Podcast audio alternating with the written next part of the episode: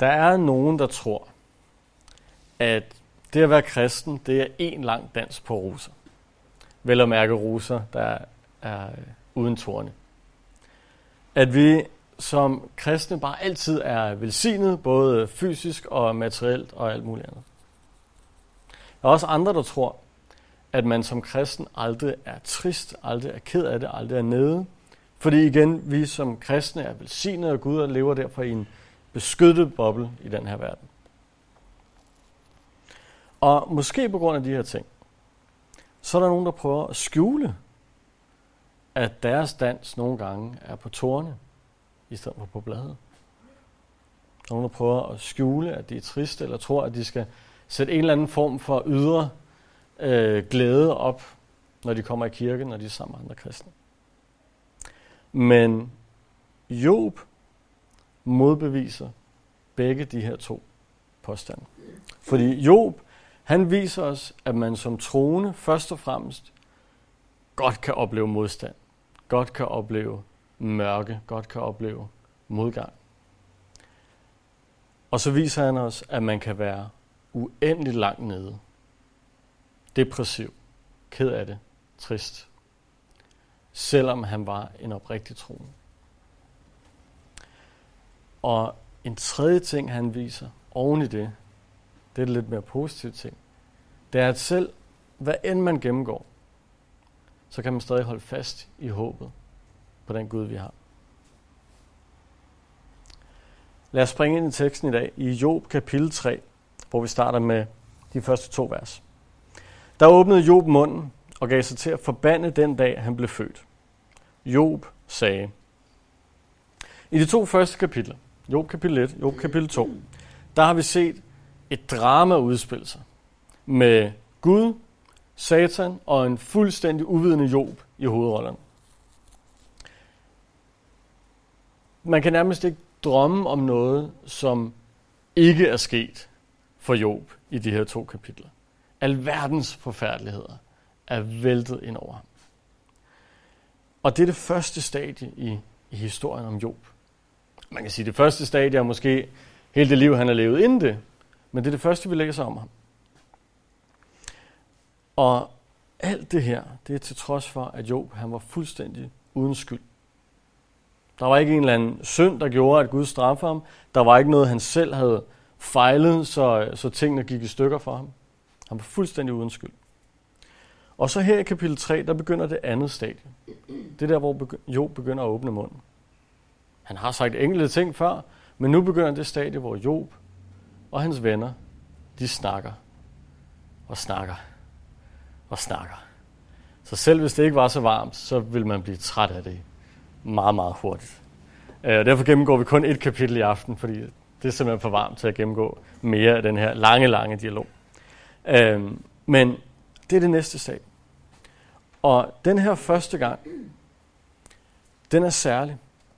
Fordi det er den eneste gang i de næste 40 kapitler, hvor at Gud, eller ikke Gud, hvor Job, han bare siger det, han føler. Han krænger sit hjerte ud og, og, og fortæller, hvordan han har det i forhold til, hvad han lige har oplevet. I alle de andre kapitler, der skal vi til at høre på vennerne, som nogle gange sviner ham til, nogle gange i rette sætter ham, nogle gange beskylder ham for noget. Og så når Job taler, så skal han hele tiden tage stilling til, hvad er det, de har sagt. Han skal hele tiden prøve at modbevise deres løgn, eller svare på deres spørgsmål, eller et eller andet. Men her i Job kapitel 3, der får vi bare at vide, hvad det er, Job han føler. Hvad Job han har lyst til at sige uden omsvøb. Og i, i de her mange kapitler, det er Job, der taler langt det meste af tiden. I, i de her, jeg tror det er omkring 35 kapitler, den her øh, øh samtale den var.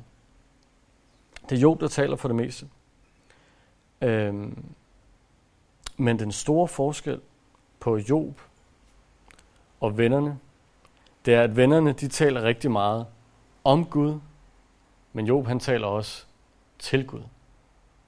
Fordi når Job han taler, så taler han nogle gange til Gud, nogle gange til vennerne, og nogle gange bare sådan lidt for sig selv. Og det, det er mest det sidste, der foregår her i, kapitel 3. Han, han har bare brug for at komme ud med et eller andet. Det, det er lige meget, om der er nogen, der lytter. Han, han har bare brug for at komme ud med det her. Men vennerne, de taler kun til Job. Hvorimod Job har blikket rettet mod Gud. Når Job nu her begynder at tale fra vers 3 af, så er det også starten på den del af bogen, som er skrevet i poetisk form, som poesi. Det er hele den her samtale, der foregår.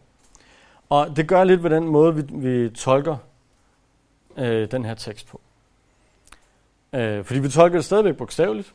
Der er jo ikke nogen anden måde at tolke Bibelen på overhovedet. Men vi tolker det i konteksten af, at det er poesi. Det betyder, at når Job han for eksempel siger, den almægtige pile sidder i mig, eller sidder i ham, så er det ikke fordi, at vi tolker det så bogstaveligt, at den almægtige har skudt ham med fysiske pile. Men vi tolker det så bogstaveligt, at Job føler, at han er ramt af Gud.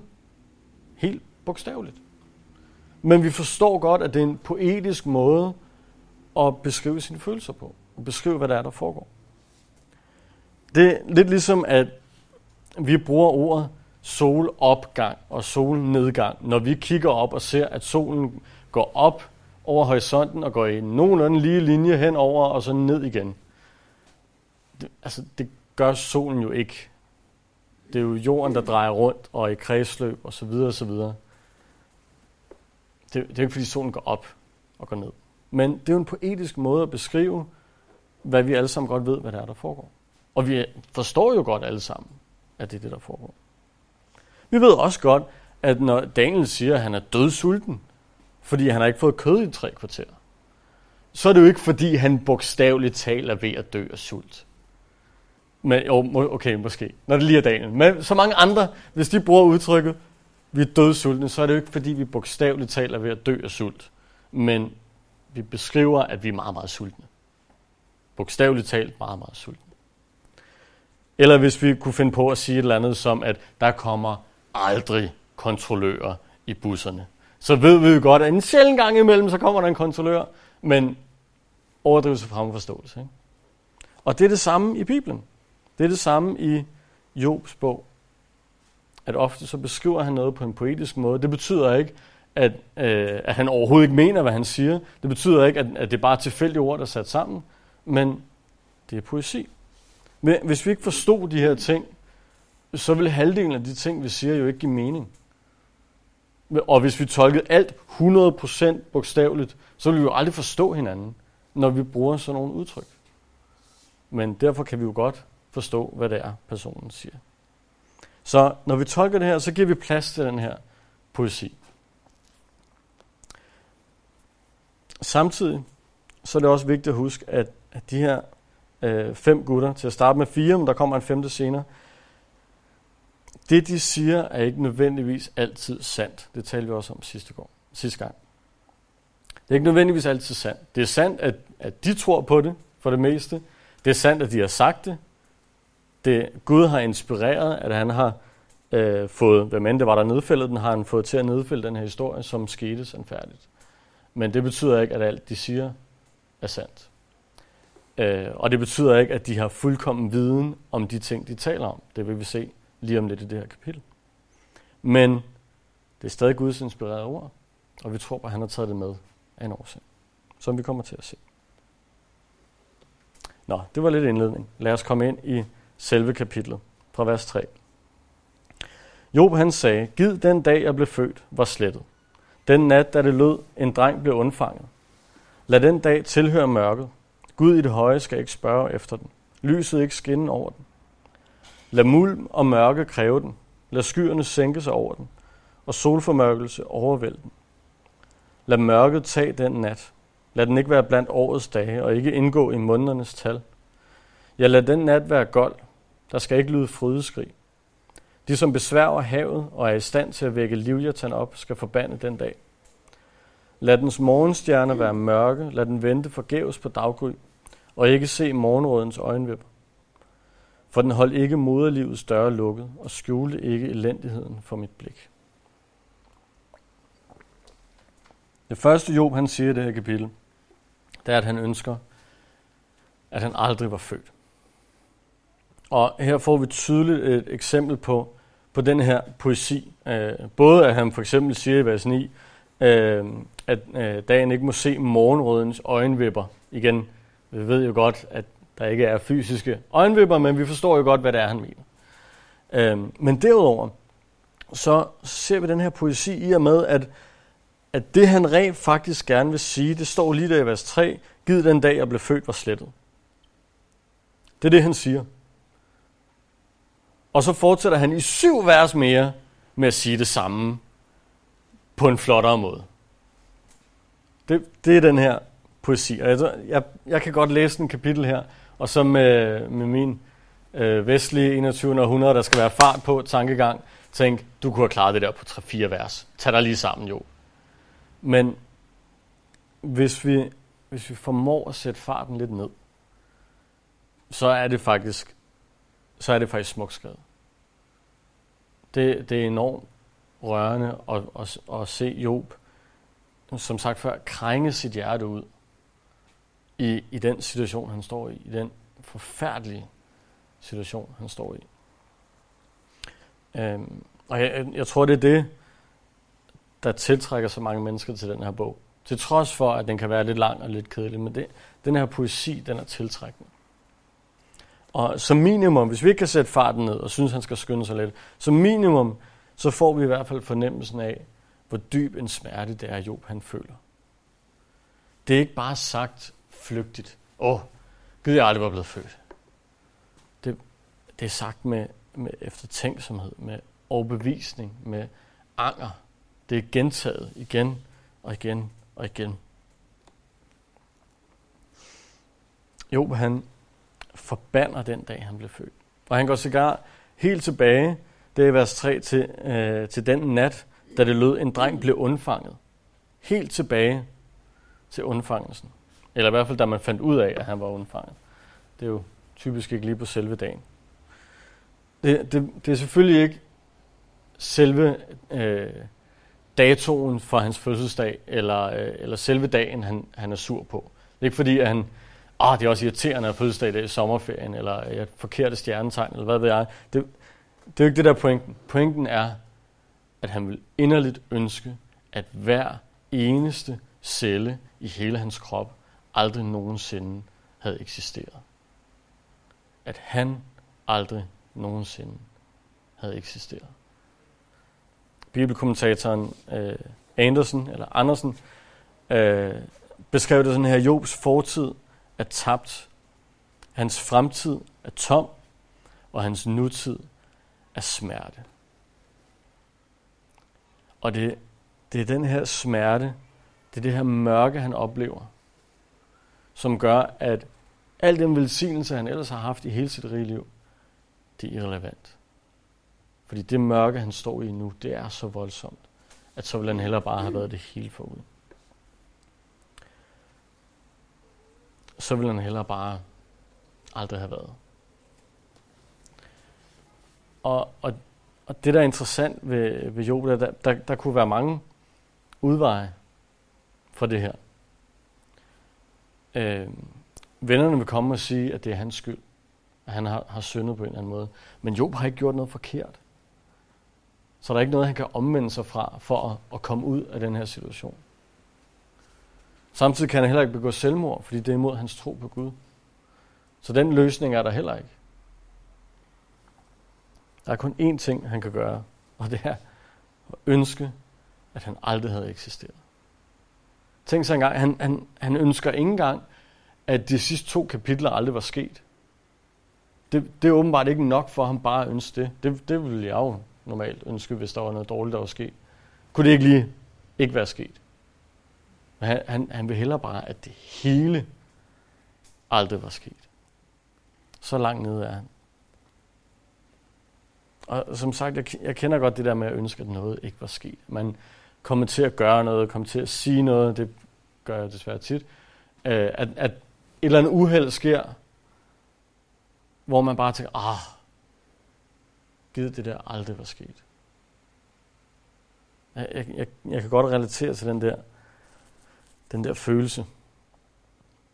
Øh, og når vi kigger på de ting, Job han siger, altså, så er han jo ekstrem. Jeg har alligevel aldrig prøvet at stå og tænke, jeg ville ønske, at jeg aldrig havde eksisteret. Men, men Jobs tilfælde er også ekstremt. Jobs tilfælde er nok det mest ekstreme, man overhovedet kan forestille sig. Men det viser os noget vigtigt om ham her, Job. Fordi Job, han var en oprigtig troende.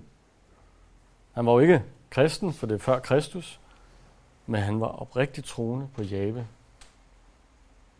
Og Gud selv siger om ham, at han var en retsindig, retskaffen og gudfrygtig mand, der holdt sig fra det, der var ondt. Hvis du sagde det om en anden person i dag, så vil jeg nok tænke, han er kristen. Hvis Gud sagde det om en person. Så lad os bare bruge den terminologi. Job, han er en oprigtig kristen. Men han oplevede stadig mørke i sit liv. Han oplevede modgang. Selv i det, at han levede trofast for Gud. Selv i det, han levede oprigtigt for Gud, var god over for andre mennesker. Der oplevede han modgang. Han var ikke skudsikker. Der var ikke en eller anden boble omkring ham, som beskytter ham mod alt ondt. Og hvad mere er, at han var ikke bare glad og tilfreds, selv til trods for modgangen. Han formåede ikke bare at overvinde det, fordi at jeg har jo troen, så alt skal nok gå. Det kan man godt. Man kan godt glæde sig i Herren. Det kan vi tage på et andet tidspunkt, Filipperne 4. Men det formåede Job ikke. Til trods for, hvor stærk hans, hans tro var. Han følte smerte. Han, han var deprimeret. Samtidig så, så kan jeg heller ikke lade være med at se et interessant ordvalg i, det står så helt tilbage i, i vers 1, fordi der står, at Job han forbandede den dag, han blev født. Jobs kone sagde til ham, forband Gud og dø. Men Job han nøjes med at forbande den dag, han blev født. Eller i forlængelse, han, han forbander sig selv, hellere end han vil forbande Gud. Han var trofast over for Gud. Selv igennem det her ekstreme mørke. Så vi ser både, at han oplever mørke i sin trofasthed, men vi ser også, at han er trofast igennem sit mørke.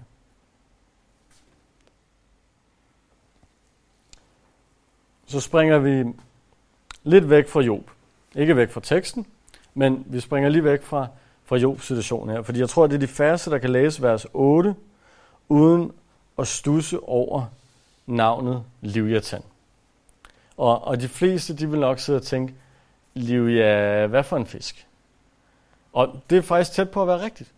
Fordi den generelle tanke om Livjatan er, at han, hun, lad os bare sige han, er en eller anden form for søuhyre.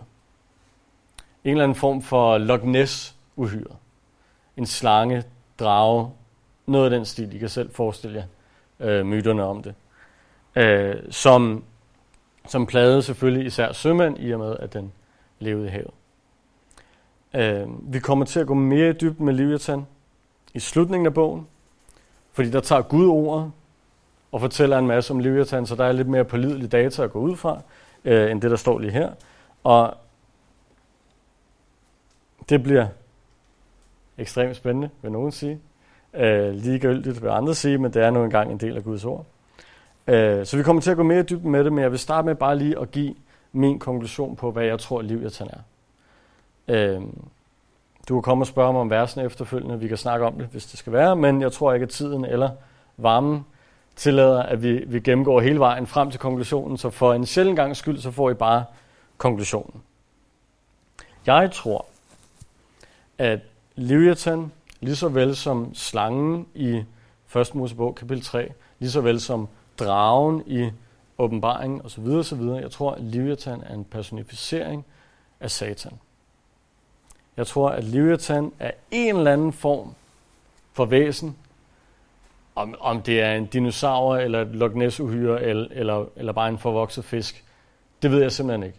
Men jeg tror, at det er et reelt væsen, som ligesom slangen, ligesom dragen, bliver, bliver brugt som et symbol på Satan. Øh, og der Leviathan er nævnt, ikke særlig mange gange, men et par gange af forskellige forfattere. øh, igennem det gamle testamente. Og det er alt sammen noget, som relaterer sig tilbage til elgammel tid, øh, også i forhold til skabelsen, og der var ikke særlig mange andre omkring skabelsen, udover Gud og englene formentlig. Øhm, og det taler om øh, en person, som Gud er øh, sejr herover, som er overlegen overfor. Det taler om øh, et dyr, der opholder sig i havet. Og et par andre ting, lad os bare holde den der. Det, det taler om et stolt og hårdmodigt, øh, og, og jeg vil nok sige djævelsk væsen. Så, så min konklusion er, at jeg, jeg tror, at det her er en personificering af Satan. Og det tror jeg så, og nu, nu er vi ude i gætteri. Det, det første her, det har jeg fra bibelske vers. Nu er vi ude i noget gætteri. Det tror jeg har udviklet sig til en eller anden form for myte om et, lad os sige, et Loch Ness-uhyre, som er ond over for sømænd og andre, som opholder sig i havet. Fordi der var en myte på Jobs tid om en livjatan, som var ude efter sømænd. Øh, og hvordan den her myte har udviklet sig, det, det er jo ikke til at sige. Det er jo tusindvis af år siden. Øh, og, og igen, det er jo gamle savn og så videre, som er gået fra mund til mund og har udviklet sig. Det, det, er, ikke, det er ikke noget, Gud har sagt. Men det, det gør, at når Job han så skriver, de som besværger havet og er i stand til at vække livjatan op, skal forbande den dag. Så tager han den her myte og siger, den her ondskab, som I alle sammen godt kender til, jer der nu står og lytter til mig. Den her myte, den bruger jeg nu til at sige, det er den ondskab, jeg ønsker kommer over den dag, hvor jeg blev født. Fordi så meget hader jeg det faktum, at jeg blev født, og at jeg eksisterer i dag. Det, det er den måde, Job bruger det på. Igen, det er poetisk. Så jeg tror, det er det, der er hans, hans pointe i det her. Og så når øh, han senere nævner øh, Leviathan, og når øh, Gud han gør det til sidst i bogen, øh, så er det det andet, der, der er fokus. Men det er min konklusion på, hvem Leviathan er. Det kan være, at jeg bliver klogere, når vi kommer længere hen i bogen. I hvert fald så er pointen, at Job han forbander den dag, han blev født. Han ønsker al mulig form for ondskab kommer over den dag, at den bliver slettet fra kalenderen. Og så fortsætter han i vers 11. Hvorfor døde jeg ikke ved fødslen? Hvorfor udåndede jeg ikke fra moders liv? Hvorfor var der knæ, der tog imod mig, og bryster, jeg kunne dige? Jeg kunne have ligget i ro, jeg kunne have sovet og fundet hvile, sammen med konger og rådsherrer, som byggede sig gravkamre, eller sammen med stormænd, der var rige på guld og fyldte deres huse med sølv. Hvorfor var jeg ikke som et dødfødt barn, der bliver gravet ned som børn, der aldrig ser dagens lys? Der har ugudelige raset ud. Udmattet har fundet hvile. De, der var fanger, lever trygt. De hører ikke til slavefodens stemme. Der er både små og store. Trallen er fri, uden herre. Så jo, han ønsker, at han aldrig havde eksisteret. Og hvis han ikke kan få det ønske opfyldt, så ønsker han i det mindste, at han så bare var død ved fødslen. Eller kort derefter. Det, det, må, det må være det næstbedste. At jeg bare kunne være død lige efter jeg blev født. Igen, han ville hellere have været, have været død, end at have levet hele sit liv. Han, han beskriver, at han, han tror, at han kunne, have, han kunne have ligget i ro og fundet hvile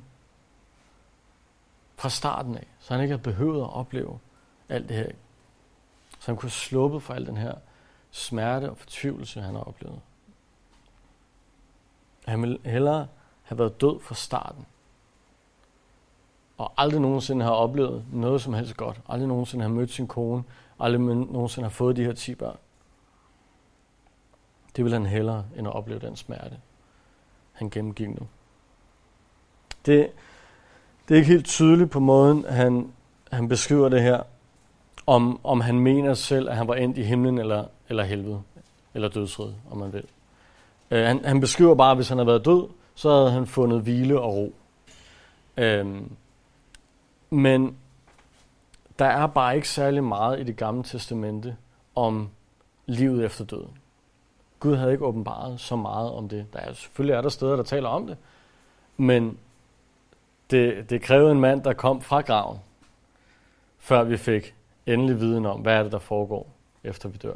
Og det sker jo sjovt nok først i det nye testament.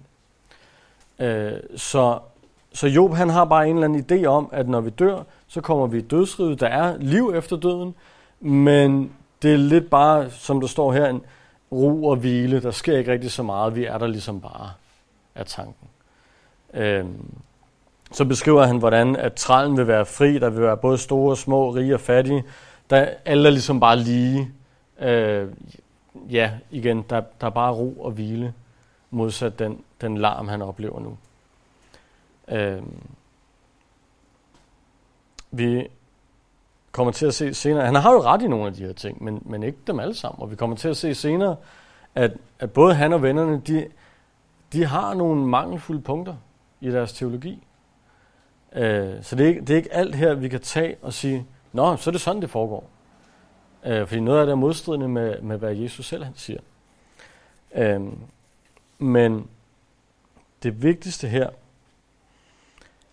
det er, at, at Job ikke nødvendigvis tænker, at når jeg engang dør, så fordi jeg har oplevet al den her uretfærdighed, som kom over mig uden min skyld, så vil jeg blive genoprettet. Som vi ellers normalt vil, vil tænke, når, når vi læser for eksempel i åbenbaringen om martyrerne, der bliver slået ihjel. De, de bliver genoprettet i himlen. De, de får en vis ære for den modstand, de mødte. For det, at de stod fast på Guds navn. Øh, men det taler Job ikke om. Han taler ikke om, at når, når, vi i gang kommer dertil, så skal I alle sammen nok bare se, jeg var retfærdig, jeg skal nok blive velsignet. Der er han ikke henne. Han, han tænker bare, og hvis, hvis bare, at jeg kunne ligge i ro og hvile, uden alt det her. Det er det, der er hans tanke. Han forestiller sig, at, at roen i døden er, er bedre end hans liv. Bedre end alt, hvad han nogensinde har, har oplevet. Og så siger han i den sidste bid fra vers 20. Hvorfor giver Gud lys til de elendige? Hvorfor giver han liv til de fortvivlede, til dem, som længes efter døden, der ikke kommer? Som søger den mere end nogen skat, som glæder sig og jubler, og fryder sig, når de finder deres grav. Til en mand, hvis vej er skjult, og som Gud spærer inde. Min suk er blevet mit daglige brød, min stønnen vælger frem som vand. Det, jeg frygter for, rammer mig, og det, jeg gruer for, kommer over mig. Jeg får ikke fred, ikke hvile, ikke ro for den redsel, der kommer. Så hvis Job ikke kan få sit ønske opfyldt om aldrig har eksisteret, og ikke kan få sit ønske opfyldt om at bare have været død ved fødslen, det er ligesom for sent begge de to ting, så vil han bare gerne være død nu. Så vil han bare gerne have, at Gud han slukker lyset. Han, Job han, han forstår ikke, at han skal blive ved med at leve, når han har det, som han har det. Han længes efter døden. Og igen, ikke en død, hvor han, han tror på, at han kommer i himlen, og alt vil være lige så fantastisk, som vi ved, at tingene vil være i himlen. Nej, en, en død, hvor der bare er ingenting. Det vil være bedre.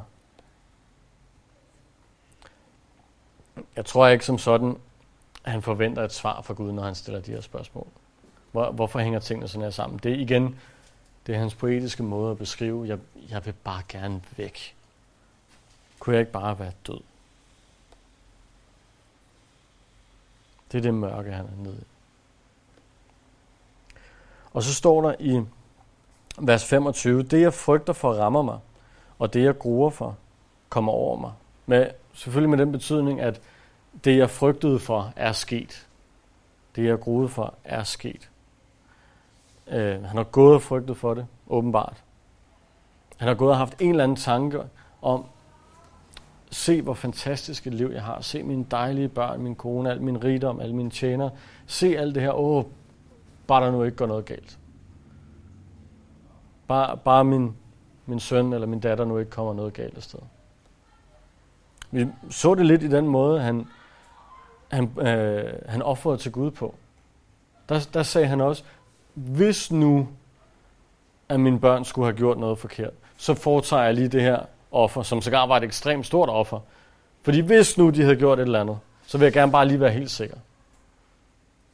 Job er åbenbart en lidt nervøs gut. Han går og frygter for, at det skal gå galt en eller anden dag. Øh, og det kender jeg godt. Jeg joker nogle gange med, at hvis, hvis jeg ringer til Daniel, og jeg kan høre, at han er ved at, at stå og lave mad, så kan jeg jo frygte, at han kan tabe en kniv, som kan ricochere ned ad gulvet, rundt om hjørnet, ud af stuen, ud i indkørslen, hele vejen ned af Jespervej til nummer 69, og muligvis ramme Josias på tågen, selvom han ligger inde og sover. Ikke? Det foregår jo reelt set op i mit hoved. Det kunne sagtens ske. Jeg, jeg kan godt forstå, jo, jeg kan godt forstå, at han, han kan gå med de her tanker, Bare der ikke sker noget med mine børn.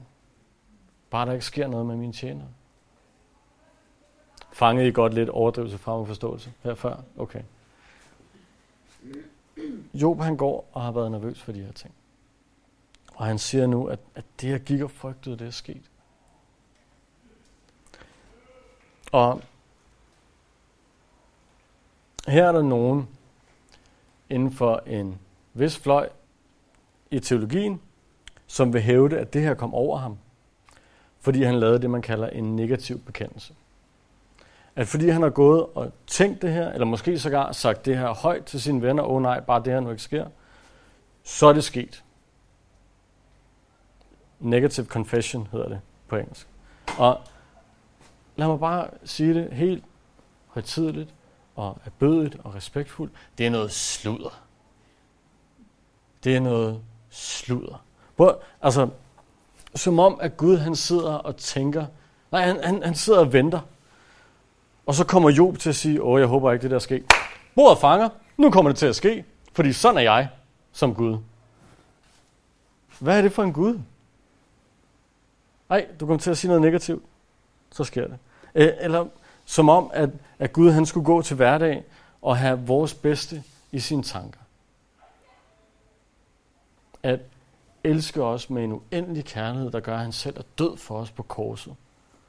Men nej, åh, du kommer til at sige noget negativt, så må det hellere ske for dig.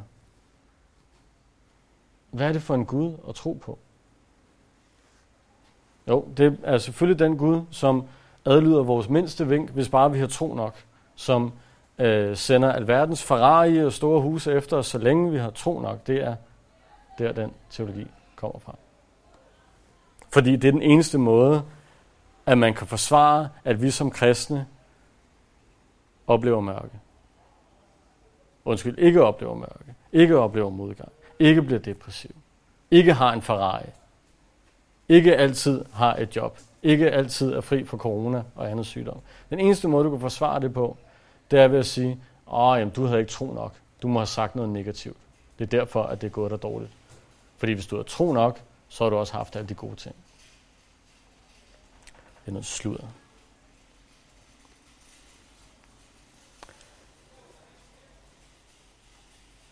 Ja, jeg kan, jeg kan ikke sige det nok. Noget sludder. Job, han, han oplever ikke det her, fordi han er kommet, fordi han har gået og været nervøs for, at noget skulle ske. Fordi han har elsket sine børn nok til ikke at ville have, at der skulle ske noget for dem. Der står meget, meget tydeligt, at Job han er uden skyld i det her. Der er intet, han har gjort, som er årsag til det her. Det, der var årsagen, var satans ondskab. Guds almægtighed, suverænitet, alvidenhed og Guds plan i alt det her til at bruge ondskaben til noget godt, som vi kommer til at se hen. Der er intet i Job, der er skyld i det her. Og det bringer os til afslutningen af kapitlet, fordi vi, vi ser en deprimeret Job i det her kapitel. Og forståeligt nok efter alt det, han har oplevet. Men vi ser også en Job, som selvom han ønsker døden, ikke har decideret selvmordstanker. Og forskellen på de to ting, det er, på intet tidspunkt, så siger han noget som helst om, at han vil tage sagen i egen hånd.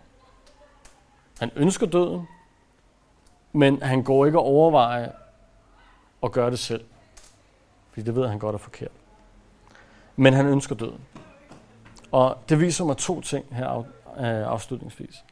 Selv kristne kan opleve depression. Sågar selvmordstanker. Det var måske ikke deciderede selvmordstanker, men det er godt nok tæt på det, han havde. Han ønsker døden. Og jeg siger ikke, at det er godt, eller rigtigt, eller dejligt, eller at selvmord på nogen måde er løsningen på noget som helst. Jeg siger bare, at kristne kan godt ramme sig depression. Kristne kan godt gå med de her tanker. Det gør der ikke mindre end kristen. Det gør der ikke til en dårlig kristen, at Satan han er ude efter dig på den her måde. Fordi selv Job ønskede døden i den situation, han stod i. Selv en mand, som Gud gentagende gange fremhæver som en rollemodel. Selv den mand gik igennem en ekstrem depression. Og igen, det er ikke fordi det er godt, det er ikke fordi det er målet eller idealet, men det kan ske for selv den bedste. Man vil måske sågar sige, at det er sket for den bedste lige her. Og jeg tror, at hvis man skulle stå i den situation, så foretrækker Gud ærligheden, som Job viser her, frem for noget som helst andet. Det var den ene ting, det har viser os. Det andet, det viser os, det er, at Job han gør ikke alvor af sit ønske om døden. Som sagt, han, han har slet ikke tanken på selv at gøre det. Og det tror jeg, fordi han stadig nærer et inderligt håb, en tro og et tillid og en forventning til den Gud, han tilgiver. Han er stadig trofast gennem alt det her, gennem det mørke, han oplever. På en eller anden måde, så formåede han at bevare håbet om, at Gud han ville genoprette ham, at Gud han ville tale til ham igen. Og det tror jeg også er en af tingene. Han, han føler sig langt fra Gud. Han har et håb om, at Gud er trofast. At Gud han nok skal gøre det godt igen, så at sige. Ikke fordi han selv var noget særligt, fordi han selv var en eller anden held, som vi skal prøve at efterligne nødvendigvis, men fordi den Gud, han troede på, var noget særligt. Vi kommer til at se det igennem bogen. At selv når han har gået kapitler af kapitler igennem, og bare bliver meget ned af tre venner, som man kunne forestille sig lidt, de står bare i en rundkreds om ham og giver ham stød efter stød efter stød. Og alligevel så kommer der ting ud af ham, som viser, at han har et fantastisk håb. At han har en genopstandende herre, som han tilbeder igennem alt det her. Job han har hårdt prøvet, men han kender ikke sidste kapitel. Han, han ved ikke, hvordan det kommer til at se ud i kapitel 42. Han ved ikke, hvad Gud vil gøre, men han havde et håb om, at Gud vil gøre et eller andet. Og vi kender måske ikke alle kapitler i vores liv. Vi kender slet ikke det sidste kapitel i vores liv. Men vi har en stor portion mere af Guds ord, end Job han havde.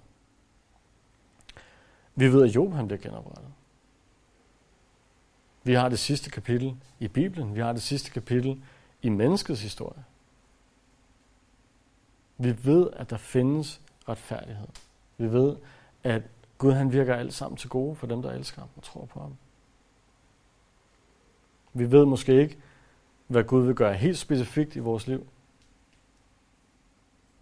Men som sagt, vi, vi ved, at Jesus han er genopstået. Og hvad end vi så måtte opleve, så skal vi være med ham til evig tid. Vi ved, at Gud han har sejret. Vi ved, at Gud vil tørre hver en tårer bort. Og vi kunne blive ved af, af løfter og bekendelser og sejre, som vi læser i Guds ord. Og vi kan sige sammen med Paulus, jeg mener nemlig, at lidelserne i den tid, der nu er inde, er for intet at regne med den herlighed, som skal åbenbares på os. I Romerne kapitel 8, vers 18. Og på grund af det håb, på grund af den Gud, som vi kan klamre os til, så kan vi også være trofaste mod ham. Så kan vi stå fast i troen på ham. Selv igennem mørket. Lad os bede.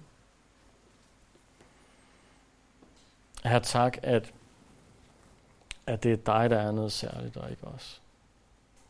Tak, at du har overvundet mørket. At du har overvundet døden, at du har overvundet både Liviatan og Satan og hvad der ellers måtte være af, af navne for, for ham. Her tak, at du er sej, Herren, at, at vi kan klamre os til dig. Og her, det beder jeg, at, at vi må, at du må give os det håb, den tro og den tillid til dig. Så at hvad end vi måtte møde, så har vi stadig håbet på dig. Amen.